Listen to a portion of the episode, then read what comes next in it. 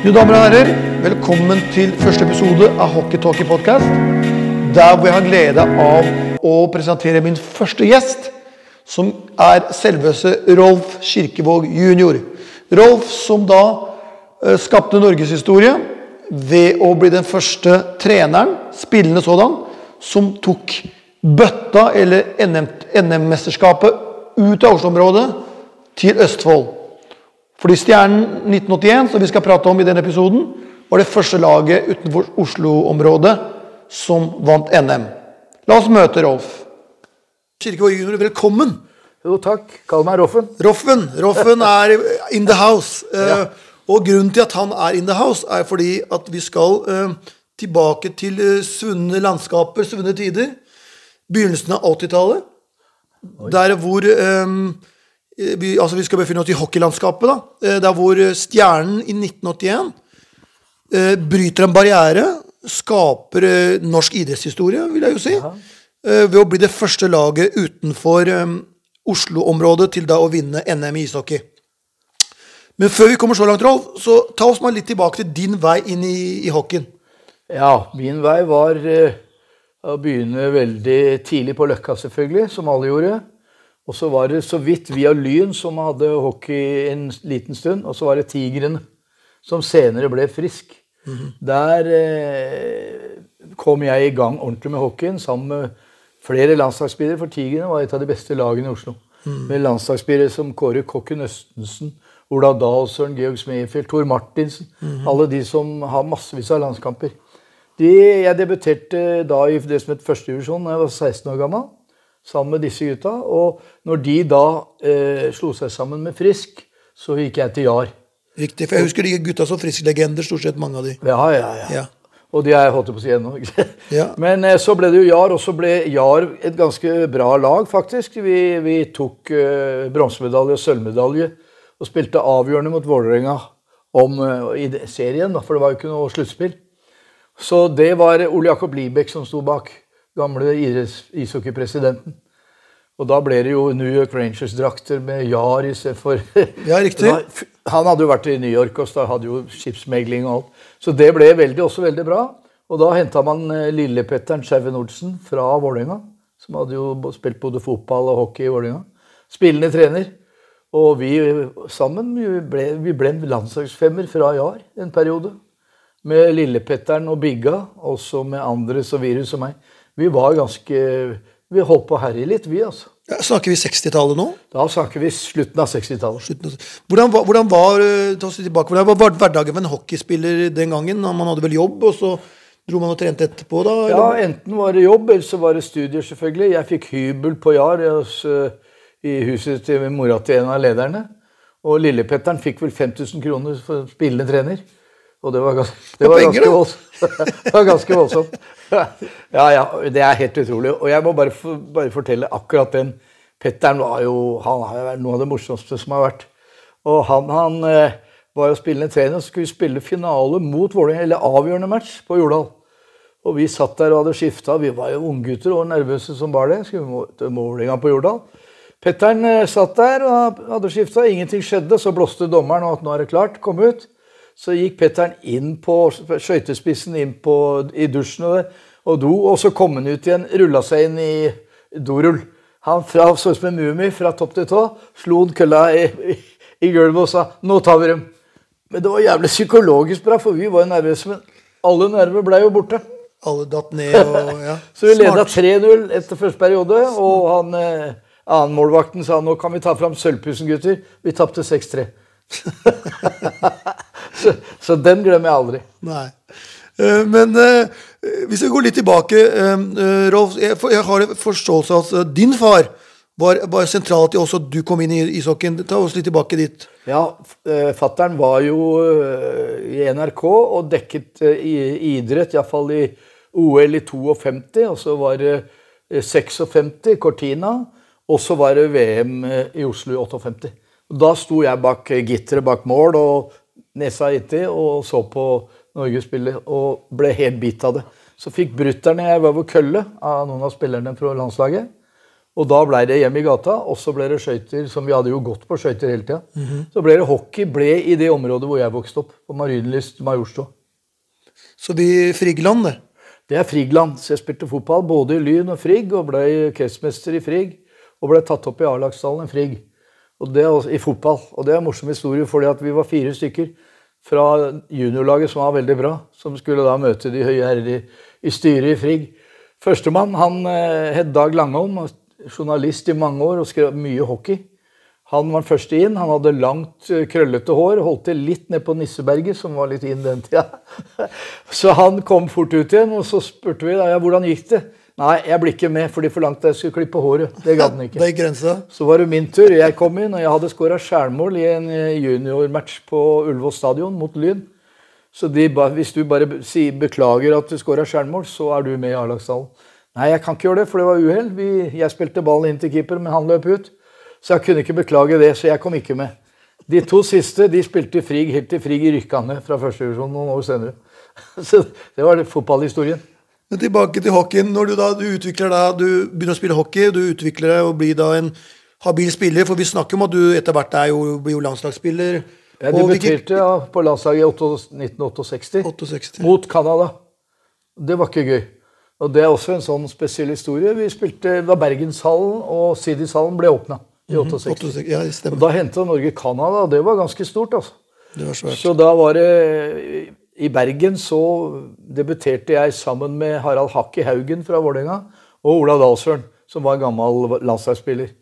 Og han, eh, Første droppen vant Ola Dalsøren, Ola Bass, og så fikk spilte den til, til meg. Gikk som bare alt jeg kunne oppover. Spilte den inn foran mål, for det kanadiske målet, for der sto Hakki.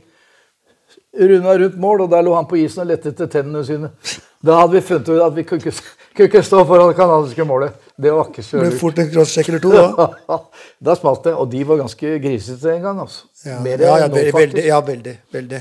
Men, um, men jeg tenker sånn, um, for oss som aldri opplevde å spille på et landslag, hvordan er den der første, første stunden når du da på en måte blir tatt ut, og du du er der, har du da grepet av stundens alvor? Går det opp for deg liksom at nå er jeg en av mange som har gått denne veien før meg, altså, som, altså nasjonalsang, og det ble, ble man litt, ta oss litt tilbake dit. Ja, jeg husker dette veldig godt. Det kommer jeg aldri til å glemme. Vi var jo satt i garderoben i Bergenshall. Lillepetteren satt ved siden av meg, og han satt og drakk noe som jeg tror var cola. For en sluk, sa jeg. Nei, det ville han ikke. Det viste seg etterpå at han hadde hatt litt i for å døyve nerv nervene før matchen. Så, men jeg må bare innrømme at jeg var så nervøs at jeg så ikke forskjell på draktene. Canada hvitt og rødt, og Norge hvitt, rødt og blått. Så det var Men, eh, men eh, eh, det tok faktisk et par-tre år før jeg virkelig skjønte at, at jeg kunne være med på dette her. Da. Så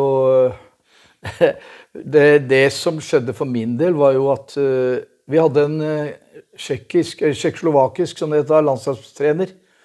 Og han, han var jo den der, eh, gamle stilen fra Østblo- østblokk, ja. østblokk. Så det nytta ikke å si noe til han. Men så vi, var på en turné rundt i Vest-Tyskland og Polen. Vest-Tyskland som det het en gang. Og da var det Tore Crash Kristiansen og jeg. Vi vakka de beste baklengs på skøytene. Så vi fikk straffetreninger etter hver trening på den turneen. Med han der Brabnik, som han het. og de andre spillere sto ved vant og lo, for de hadde ferdigskifta, og vi gikk baklengs åttetall. Og dette begynte jeg å bli lei av, så jeg, etter at jeg hadde gjort det noen ganger, så gikk jeg inn til han sjekkeren også, sa jeg du, eh, Crash og jeg vi er ikke så bra baklengs på skøytene. Og vi har mange gode som Tor Martin, alle, men vi har tenkt å prøve å skåre noen mål. Så vi har tenkt å gå fremover. Da fikk jeg svaret Rolf, I, I don't want to see you in the national team as long as I'm the coach. Så jeg ble utestengt i tre år. Såpass? Ja. Oi, oi, oi. De tre kanskje beste årene, egentlig, på en måte, ungdomsårene. Da hadde jeg jo spilt fast på landslaget 68-69. Hva, hva, hva var klubben din da? Jar. Jar? Du, ok, du er landslagsspiller for Jar, ja. Ja. Ok. Så da fikk jeg den. Men så, så hvis vi da spoler litt fram, eh, hvordan da havner det slik at i 74, om jeg ikke husker helt feil, Ja, så blir du da trener for Stjernen. Hvordan, eh, Fortell oss om, litt om det. Hvordan gikk det seg til? Det, jeg eh, begynte på idrettshøyskolen med hockey som eh, hovedfag. Og, det, og gikk der og utdanna meg den veien. Jeg hadde tatt psykologi i grunnfag. Og så ringte en som heter Jon Brynildsen, sønn til Knut Byen gammel Legendarisk, som er Brynildsen fabrikker. Svære i Fredrikstad og i Norge med colaen og alt sammen godteri. Han ringte, og så sa han at kan ikke du komme ned? For, for fattern og Stabber-Nilsen vil prate med deg. Eh, Stabburet var jo stor bedrift den gang, og Stabber-Nilsen var jo kjent over hele Norge. Så han og Knut Brynesen sponsa meg ned og ble spillende trener i Fredrikstad. Etter at jeg var ferdig med idrettshøyskolen. Importert en star nedover til Østfold? Ja, men jeg hadde spilt sammen med Jon Brynesen på juniorlandslaget. Så han eh, hadde overtalt far sin til å bli med på dette. Men da, da snakker vi om spillende trener. Ja. Uh, klart, En ting er å være spiller, men når du plutselig skal gå inn og være trener samtidig, hvordan uh, var det veldig utfordrende? Ja, men, men, på en måte så var det ganske naturlig. For husk på Stjernen hadde akkurat rykka opp, fått ny ishall og rykket opp i toppdivisjonen. da. Så de var jo helt nye på mange måter. Hadde jo spilt på Tollbua nede før ishallen var klar. Så det, det var ganske sånn Jeg syns det gikk veldig bra en stund, men jeg var der jo i flere år. Men etter fire år så begynte det nok å butte litt, og da henta de inn en svensk trener. Beckman? Ja, han var, ja, Beckman var en av de som var der nede. Og så, men da så dro jeg til Bergen et par år og spilte i Bergen, altså i Djerv, eller Bergen hockeyklubb, som det heter nå. Mhm. Og spilte, var spillende trener der og spilte de opp fra førstevisjon til Eliteserien. Badekaret som er hjemme. badekaret. Det tok helt av. I løpet av det første året så var det, tok det sånn av at hele Brann eh, Alle Brann-supporterne kom jo i badekaret, vet du. Og det ble PR, så Det var 5000 mennesker på det verste der på tribunen. Er ikke det forferdelig synd at vi ikke har hockey i Bergen, men den fanatismen de har? Jo, vi skulle hatt eh, det, jeg har, Og det Libek og jeg hadde samme tanke om at de skulle hatt wildcard. Bergen og Trondheim i iallfall et par-tre år. Ikke sant? Hvor de skulle få lov til å forsøke å etablere Jeg er helt enig. Vi trenger det. Helt enig. Og nå håper jeg Nidaros rykker opp. Ja. Det er da noe. Så det var tanken. Men iallfall så var det Det var uh, utrolig eh, Altså, I Bergen er det enten så er det himmel, eller så er det helvete. Sånn i dag og med. Brann nå, ikke sant? I Brann, i fotball, alt Ja, ja. sammen. Det er derfor jeg liker bergensere. Det er liksom, de, de hater og elsker med samme intensitet. Ja, ja, ja. Det er, det er helt Og det er, og det er det som gjør det unike i Norge på mange måter. Eh, men så blir det jo tilbake til Fredrikstad. Nesten sånn du har blitt, eh, blitt østfolding du nå. Ja, for da, da hadde jo jeg vært fire-fem år i Fredrikstad, og så var jeg i Bergen et par år. Så ringte da en av lederne i Stjernen, som jeg var blitt god venner med, så sa han Roffen, du er nødt til å komme tilbake. For vi kommer ingen vei her nå. Nå er vi i ferd med å rote oss bort. Så nå må du komme ned og hjelpe til. Så da dro jeg tilbake som spillende trener. Og da fikk jeg med meg eh, Jørn Goldstein, som jo jeg var blitt godvenner med, og som av, og har, har vært en av de beste keeperne i Norge. Målvaktene. Han, eh, han var skuffa over å ikke komme til OL i 1980. Ja. Jeg takka nei til å bli med.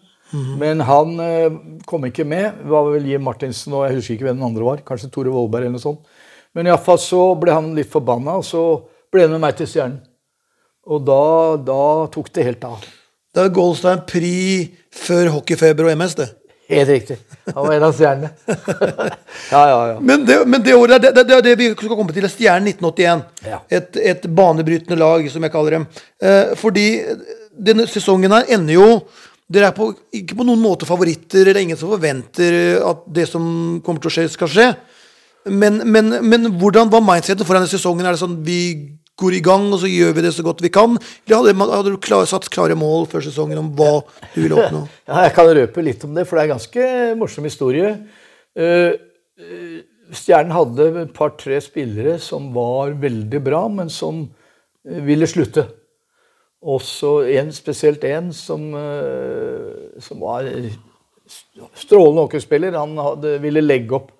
Og når jeg da kom ned der, så hadde vi et møte, og så snakket jeg med ledelsen i klubben og sa at nei, han kan ikke slutte nå. Det er nå vi skal gjøre noe. Så han fikk 10 000 kroner for å fortsette. Og det Halve styret var mot. Så det var penger den gangen òg, altså. Ja, ja. Og så kom jo Jørn, og så jeg, og så, og så eh, hadde vi en innstilling der nede med Altså, det var Alt stemte med eh, talenter og eldre spillere som ville gå inn for det. Jeg husker vi var eh, nede på Roligheten om sommeren i, nede i Kristiansand, på campingen der, Jørn og jeg.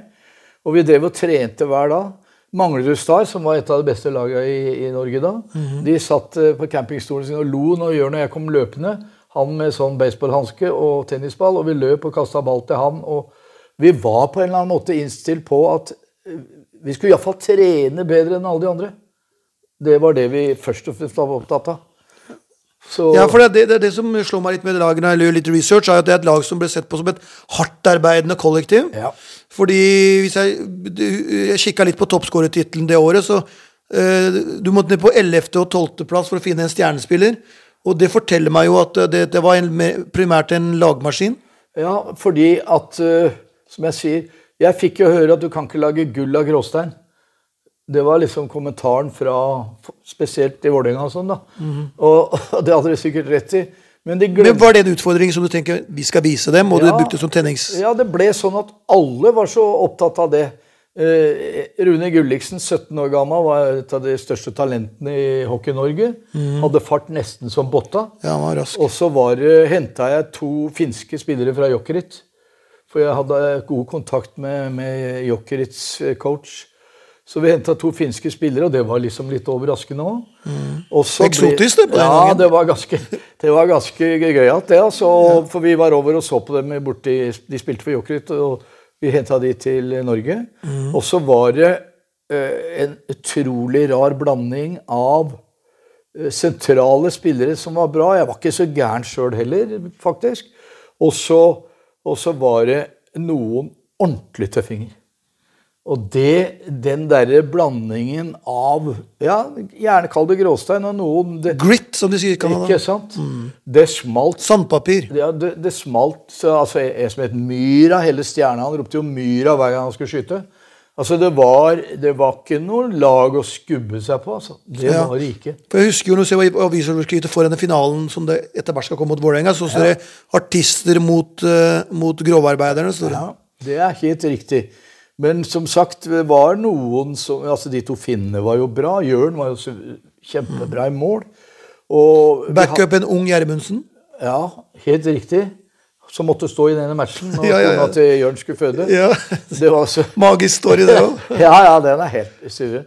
Men altså, vi fylte jo da Men så tapte vi jo den første matchen nede i, i, i Fredrikstad. Og det var litt sånn eh, Og det kom faktisk av at en del av spillerne syntes det var jævlig skummelt. Eller de ble nervøse. spille alvor, ja. På hjemmebane. Stundens alvor. Forventningene. Og husk på det at uh, par-tre av dem var jo landslagsspillere i mange år etterpå. Erik Pedersen, Per Øyvind Myrene ja, og Jørn Gaase.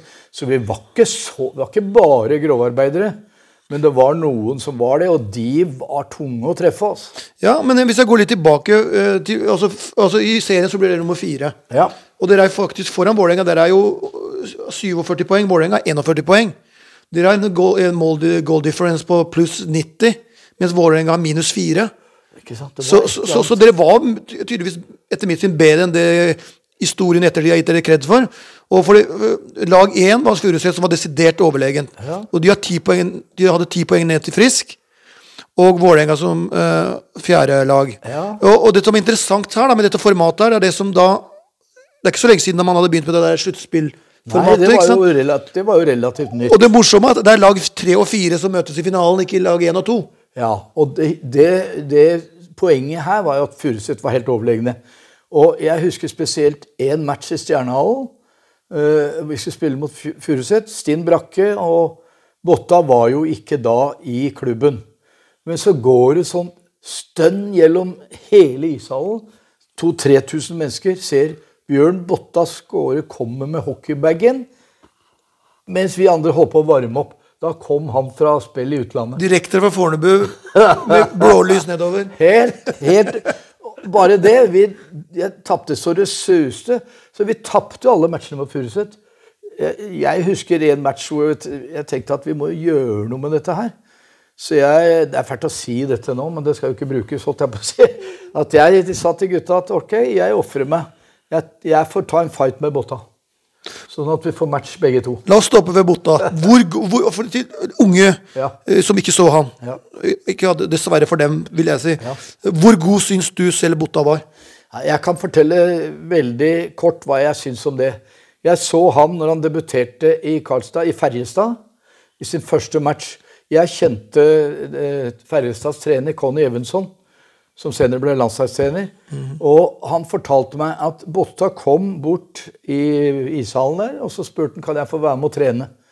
Så tenkte Conny Evensson og andre treneren at Nordmann, liksom. ja, en nordmann på 17 år kommer her, han må være gæren. Men vi lar han være med. Så han skiftet i dommergarderoben og kom utpå sammen og trente med Ferrestad. Etterpå forteller Conny Emerson meg at de hadde snakket om var søren ikke så dårlig. Han var litt tung, men han var jo absolutt brukende. Så gikk de inn til han, satt med blyvest. Ja, han var litt tung, for han hadde, hadde trent med blyvest. ja. Så han debuterte for Ferjestad, og da var jeg mot Brynes. Og da var det brutter'n til Børre Salming, Stig Salming, var på laget der. Og Botta klynga han opp til vantet og herja som 17. Hele, hele gamle ishallen i Karlstad reiste seg og skreik og hoia på Botta skåre. Så god var han, altså. Og dette er nordmann tidlig 80-tallet, når norsk hockey ikke var akkurat uh, Det er helt riktig. Det var, stort. Ikke, det var, ja, det var helt utrolig. Jeg fikk to landskamper sammen. Jeg husker jeg kom på Jordal til trening før en tur vi skulle til Polen. Altså, han, han hadde sånn fart og sånn bevegelse og. Så vi andre løfta oss litt på grunn av han. Mm. Og han kunne vinne matcher i VM alene, han. Så god var han, altså. Men han kom jo Dessverre så slet han med det. Ja. Men det er beste hockeyspilleren vi noen gang har sånn talentmessig hatt i Norge. Det er godt å høre at jeg ikke husker helt feil. Nei, det er Men tilbake til stjernerolfen. Yes. Roffen. Ja. Eh, sluttspillet begynner. Dere Ja. møtte Frisk. Eh, Hva husker du best fra den matchserien? Apropos husker jeg. finskimporten gjorde veldig seg gjeldende der, vel. Altså, disse to finske importene, de, de, de var sånn Satan Perkele. Når det gjaldt som mest. Ja, de var tøffe. De var, ja. En Beck og en spe- Vessa Rajanema, Jukka Auin. Så de også var jo med der. Men Frisk var jo også et bedre lag på mange måter enn oss. De hadde jo flere landslagsspillere. Ja. Jeg husker jo flere av dem. Så Setereng ja, Johansen, Setreng Johansen Nils Nilsen. og, og Trond Skar, som var toppskårer i ligaen, tenker stemmer. jeg. Så, men eh, første matchen, da var det Eller det vil si, de vant i Stjernehallen, de òg. Og så kom vi til Askerhallen, og da var det 4-4, to og et halvt minutt før slutt. Så ble, nei ja, to og et halvt minutt før slutt så ble vår, en av våre spillere utvist. Han kom med inn på isen igjen når det var igjen 30 sekunder, og fikk da et pass opp. Og svingte og runda og skåra. Så vi vant 5-4 med, med, og hadde vært utvist i to minutter. Så da hadde jo Frisk gått til finalen. Men vi, eh, Så de fikk jo Og tredje matchen på Jordal, da feide vi dem av banen. Ja, det ble 8-1 eller Ja, sånt. var 7-8-1. Ja. Så da, var det, da hadde de gitt opp her, og da, da skjønte de at eh, Og da kom det med treningsgrunnlaget. Nettopp, ikke altså. sant? Og det å, hockey er momentumsport. Det svinger jo så frem og tilbake. Og Noen ganger trenger du bare en redning. Ja, du ja. trenger en nøkkelspiller som gjør, gjør Men det, men det også vitner om et jæklig moral i stjernen. Når dere kommer tilbake etter å ha tapt første kamp hjemme to ganger, Ja. både i semien og i finalen. Ja, og Husk på det at uh, mot Frisk var det jo andre matchen hvor vi da vant 5-4. Tredje matchen var jo dagen etter.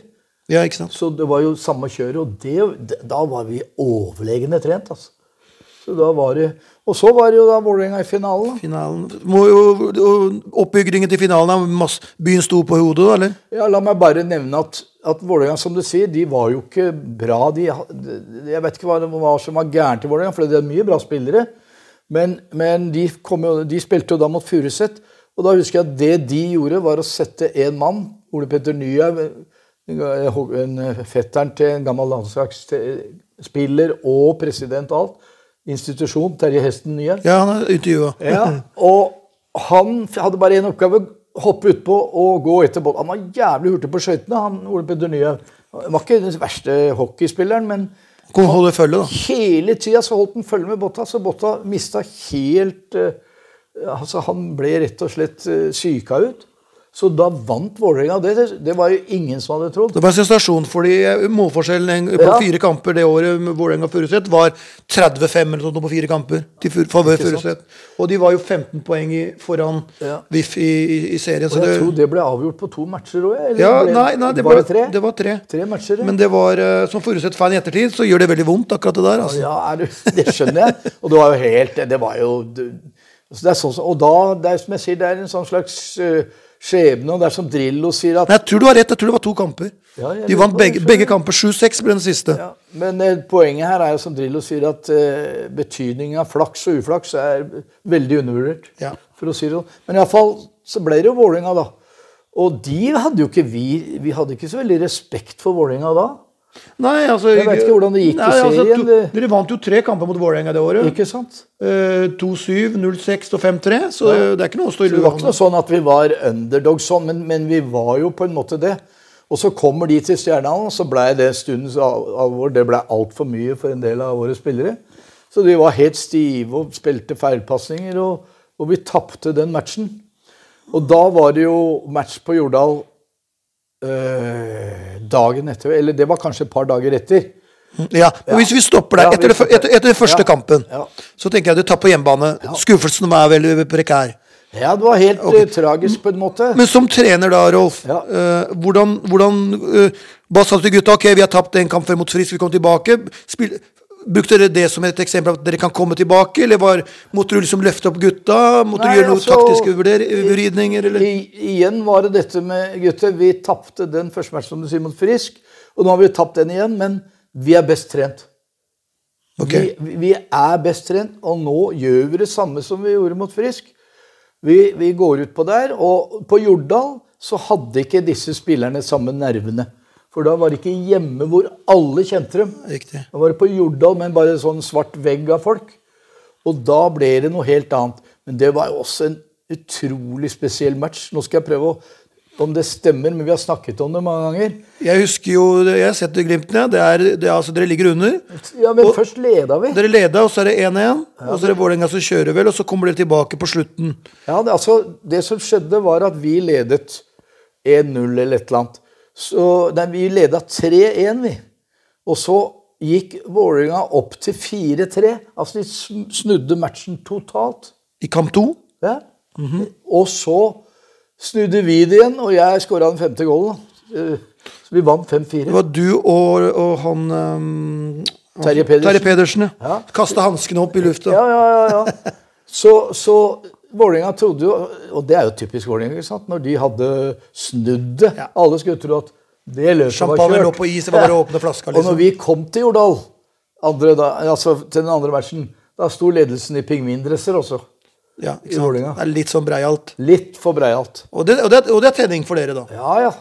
Så, så, men igjen, det var selvfølgelig at vi fikk snudd igjen når de snudde at vi leda. Det er jo sånn som man ikke liksom helt skjønner. Men jeg husker hvorfor det skjedde òg, for vi fikk en av våre beste spillere skada. Og da satte vi inn en sånn ordentlig hva skal jeg si, steinhugger, holdt jeg på å si. Så han hadde jo, han hadde jo takla alt fra Geir Myhre, som var tøffing den gangen. Det var tøffing. Han ble satt inn sammen med Terje og meg. Og han gjorde bare én ting, han rydda unna. Men er det denne kampen av Jørn Goldstein da blir smugla inn gjennom, gjennom vinduet på Jordal? Det er det. Det er jo dramatisk når din første Ja, keeper ja, ja. Ikke kan spille. Ta oss litt tilbake til den storyen Ja, der. det er, da Foran andre matchen så skal jo da kona til Jørn Gåstad føde på Fredrikstad sykehus. Og Jørn skulle være med på den, uansett koste hva det koste ville. Så da sto altså En av lederne i Stjernen var jo eh, kriminalsjef i, i, i politiet i Fredrikstad. Så han sto jo med Han og et par til sto med, med politibil Beredskap. utafor sykehuset. Fødselen skjedde, og Jørn blei med fulle sirener kjørt til Oslo. Men han nådde jo ikke da kampen. Så vi, da sto jo Pål Gjermundsen i mål. Men Jørn kom til andre periode og skulle prøve å komme inn, men vakta sa her er det fullt. Her slipper ikke én mann til inn, for det er altfor mange her inn som er. Så han måtte vi dra inn av vinduet, og sto tredjeperioden. Han sto tredjeperioden. Det har aldri skjedd i norsk ishockeyhistorie før. Det, det er hockeyhistorie, det òg. helt utrolig. Det, det Og bare det Jeg skjønner ikke hvorfor vi For Pål sto bra, men da hadde jo de snudd matchen og alt. Så vi måtte jo prøve noe. Så det ble Jørn Goldstein i tredje periode med nyfødt barn i Fredrikstad, og vi vant 5-4. Og da var det dagen etter igjen, altså. Fantastiske minner. Ja, og da var det dagen etter igjen. Ja. Merk deg det. Ja. Og, og, og snodig nok, den, eh, den eh, avgjørende kampen som dere vinner på Jordal, det var jo på en mandag for 42 år siden. Ja. Akkurat som i dag. Er det? ja. Ja, gratulerer. ja, jo, gratulerer med 42-årsdagen. Ja, ja, Så det, det, det er faktisk 42 år siden på, på, på mandagen i dag. Så, men men den følelsen, Rolf eh, Jeg tenker tilbake når jeg går gjennom dette, så ser jeg han unge, lille Rolf som da står med, med panna mot gitter Ja, på. Jordal og ser på hockey og får den gnisten for å begynne med hockey. Og så går det en del år, og så står du der på Jordal som norgesmester. Ja. Det er nesten sånn at man får litt frysninger bare man tenker på det nå. Jeg, for min del så Jeg har spilt landskamper og jeg har jeg og vært med å rykke opp i VM og alt. Men det er, det er den største opplevelsen jeg har hatt i, i hockey og i idrett i det hele tatt. Det for meg er det en de største Fordi at ikke bare ble vi norgesmestere, men det var jo helt utenkelig at lag fra andre Ikke sant? Ja, Og det var veldig viktig. da, Første laget da, som da utafor Oslo-gryta. Og, og så er det den siste dansen for deg, for du, hadde, du skulle legge opp. Jeg kasta skøytene opp på tribunen. Ja, for du skulle, ja, for du hadde, Ja, skulle legge ja, jeg skulle gi så det var jo siste ga meg. Det var siste sjansen, og det var eh, Og den, den stemningen fra inn i garderoben og med buss ned til Fredrikstad Når vi kom til Fredrikstad, var hele byen Altså dette var klokka la oss si klokka 11 om kvelden. da, var hele byen på fote med fakkeltog. Fakkel til Stjernehallen. Ja, det, opp til Stjernehallen, og full stjernehall. fantastisk. Altså, det er jo, det er jo altså Fredrikstad er en idrettsby.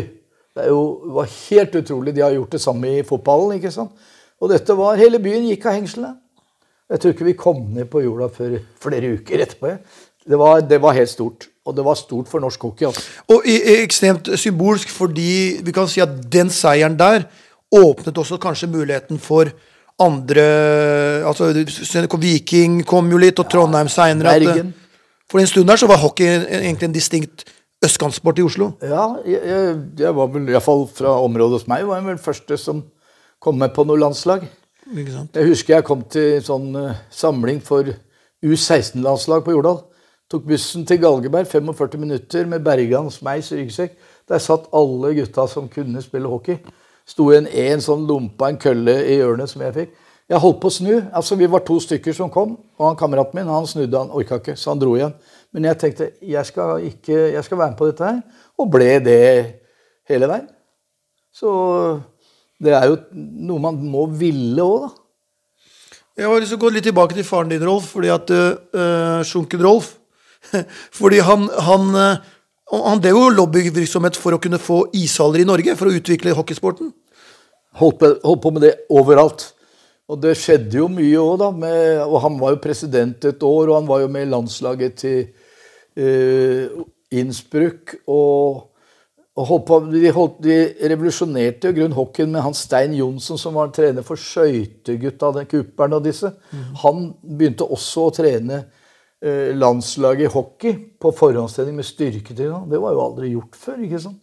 Så det var en del sånne ting som skjedde, som gjorde at hockeyen ble Og jeg husker jo 1965, når Norge slo Nei, Norge rykka opp i A-gruppa, hvor Norge vant 5-4. Jeg husker ikke over hvem, men det var Arne Mikkelsen som skåra. Så Norge kom i, i A-gruppa, og det var ikke mange land den gangen. altså. Nei. Så det var Og så var det veldig mye presse. VG, Dagbladet, Aftenposten skrev jo mye mer om hockey. ikke sant? Ja, for i hockeyen, også når vi kommer inn i slutten av 70-, inn i 80-årene, så er det jo dobling av publikumsomsetninger og tredobling, og aviser skriver mer. Henry, Henry Vestrengs Ja, eh, greier. Også det er en mann som også har gjort ekstremt mye for norsk hockey ved statistikkføringen Ja, som Ja, var ja, ja, ja. revolusjonell på sin tid. Så, så det var fint, det var en kul tid å være hockeyfan på. Rolf. Ja, jeg, jeg, jeg tror at det var kanskje en sånn gullalder jeg, i- for Ja. norsk hockey. Jeg vet ikke når det begynte å dette igjen, men man begynte jo øh, Rykka jo helt ned i C-gruppa noen år og sånt nå. Ja. Så det var øh, Det vi vel egentlig savner, som jeg syns vi ser vi savner igjen nå, for nå er det jo flotte ishaller noen steder. Men, men det burde jo være Norges største nasjonalidrett om vinteren, mener jeg. Ja. Det skulle hockey vært. For det er den beste idretten. Men jeg tror ikke man er flink nok til å trekke sammen. Altså. Det er nettopp det. Jeg har alltid sagt det. Den dagen vi, alle skjønner at vi er på samme lag der, og trekker i samme retning, Da- i konkurranse mot andre idretter, så vil norsk hockey komme lenger. Så. For nå er det, nå er det jeg, jeg sitter jo som styreleder i en hockeyklubb her som heter Oslo ishockeyklubb. Med nye Sonja i ishall. Vi får ikke lov til å være der. Det er ikke hockey der. Det er bandy i en, i en eh, arena hvor det er hockeybane. Det er Det absurd. er helt katastrofe. Sånn kan vi ikke ha det. Alle må trekke sammen. Nå er det flere bandyspillere med lisens i Oslo enn det er hockeyspillere. Det skal jo ikke være Det skal sånn. ikke være sånn i det hele tatt. Nei, Vi får håpe at det nye hockeyforbundet tar tak, og at du, og ikke alle må komme sammen og dra norsk hockey i samme retning. Ja, Det positive er at det er flotte ishaller som nå håper jeg Fredrikstad får halv snart òg. Mm. Og så er det eh, Der hvor det er nye haller, så er det Da strømmer publikum til, altså. De gjør det. Så jeg, det er bare snakk om at man trekker sammen alle sammen. Og, og veldig, Jeg var og så alle U20-kampene ute i Warner Arena. Og det gror, altså. Det gror Talentet er der, ja. ja, og det kommer de også til å være. Så jeg håper og tror For det er den beste sporten. Det må Ut, uten tvil. Det er jo ikke noe i nærheten heller. Sånn er det bare. Sorry, fotballgutta, men hockey er number one. Det er, jo, det er jo der det skjer noe. Rolf, jeg vil Ja. avslutningsvis si noe om uh, Kirkevåg-familien. Ja. Fordi For meg som uh, innvandrerbarn som kom til Norge en gang, så, ble, uh, så har jo Kirkevåg-familien påvirket meg både uh, bevisst og ubevisst. Fordi Sjunker Rolf ble plutselig hele eh, Norges eh, onkel. Ja. Så for oss så kom òg Sjunker Rolf, og det var de, de, menneskene du så på TV igjen og igjen.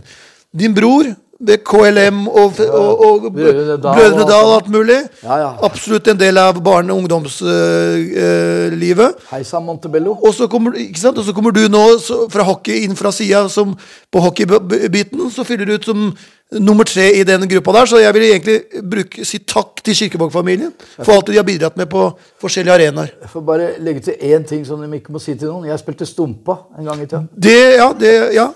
Skuespill, ja. Jeg, jeg, jeg var første. Ja, ja, første. ja, men jeg valgte hockey. Så valgte du hockey. Skuespilleryrket. Så du har ikke tenkt å gjøre noe comeback? eh, Nei, det, det skal jeg love deg. Det var broren min, var eh, morsom. broren din var morsom, og KLM, eller den trioen, ble aldri det samme uten han i midten. De mista senteren sin, og de, de, og de, de var ikke i nærheten eh, etter det, dessverre. Ja, han døde for tidlig. Altfor tidlig, dessverre. Det er veldig trist. Men jeg vil takke deg for at du tok deg en tid. Jo, veldig hyggelig med deg, og vi trenger sånn som deg. Jo. Så jeg vil takke deg. Takk skal du ha. okay. Ha en fin dag der ute.